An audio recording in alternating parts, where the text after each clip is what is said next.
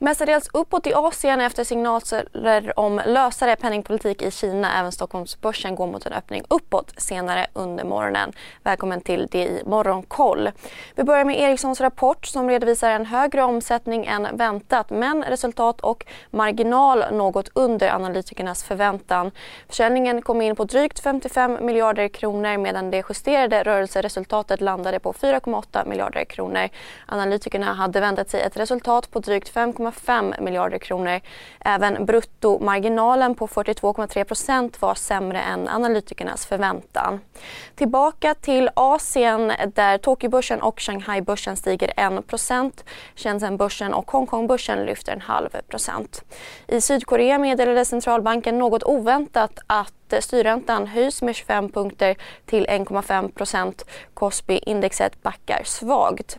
Igår meddelade Kinas premiärminister att landet ska sätta in åtgärder för att öka konsumtionen i Kina där flera hundratals miljoner människor fortsatt befinner sig helt eller delvis i lockdown. På råvarumarknaden fortsätter oljepriset återigen uppåt och ett fat bränt kostar nu 108 dollar fatet. Och eh, USA-börserna stängde på plus igår. S&P 500 var upp drygt 1 och Nasdaq 2% Bland vinnarna återfanns flera flygbolag, däribland Delta Airlines som steg omkring. Med en värld i gungning blir det viktigare än någonsin med kunskap och diskussion.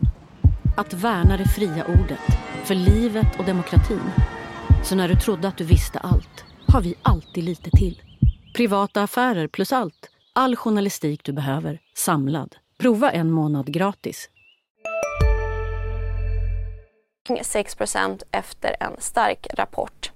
Storbanken JP Morgan däremot föll på sin kvartalsrapport som kom in under marknadens förväntningar med lägre vinst per aktie än väntat. Aktien backade lite över 3 E-handelsjätten Amazon ska börja debitera en bränsle och inflationsavgift på 5% för amerikanska företag som säljer produkter på deras sajt. Aktien stiger 3% tillsammans med andra teknikaktier. Amazon har också bötfällts med närmare en miljon kronor per dag av franska myndigheter. Det fram tills att Amazon tar bort klausuler i sina kontrakt med företag som myndigheterna anser som obalanserade. Ännu en Fed-ledamot har meddelat att den amerikanska centralbanken måste höja styrräntan aggressivt för att bekämpa inflationen. På räntemarknaden har de amerikanska räntorna fortsatt backa.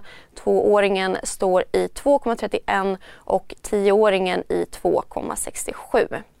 Och USAs president Joe Biden har utlovat Ukraina ytterligare militärt stöd värt 800 miljoner dollar inklusive artilleri, pansarfordon och helikoptrar.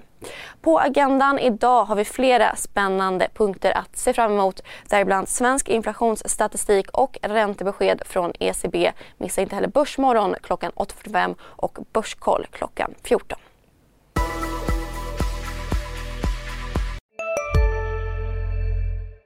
CSRD.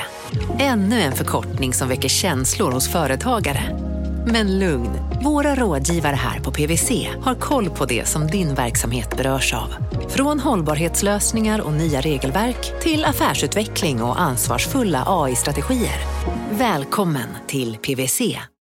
Hej, Synoptik här. Så här års är det extra viktigt att du skyddar dina ögon mot solens skadliga strålar. Därför får du just nu 50% på ett par solglasögon i din styrka när du köper glasögon hos oss på Synoptik. Boka tid och läs mer på synoptik.se. Välkommen!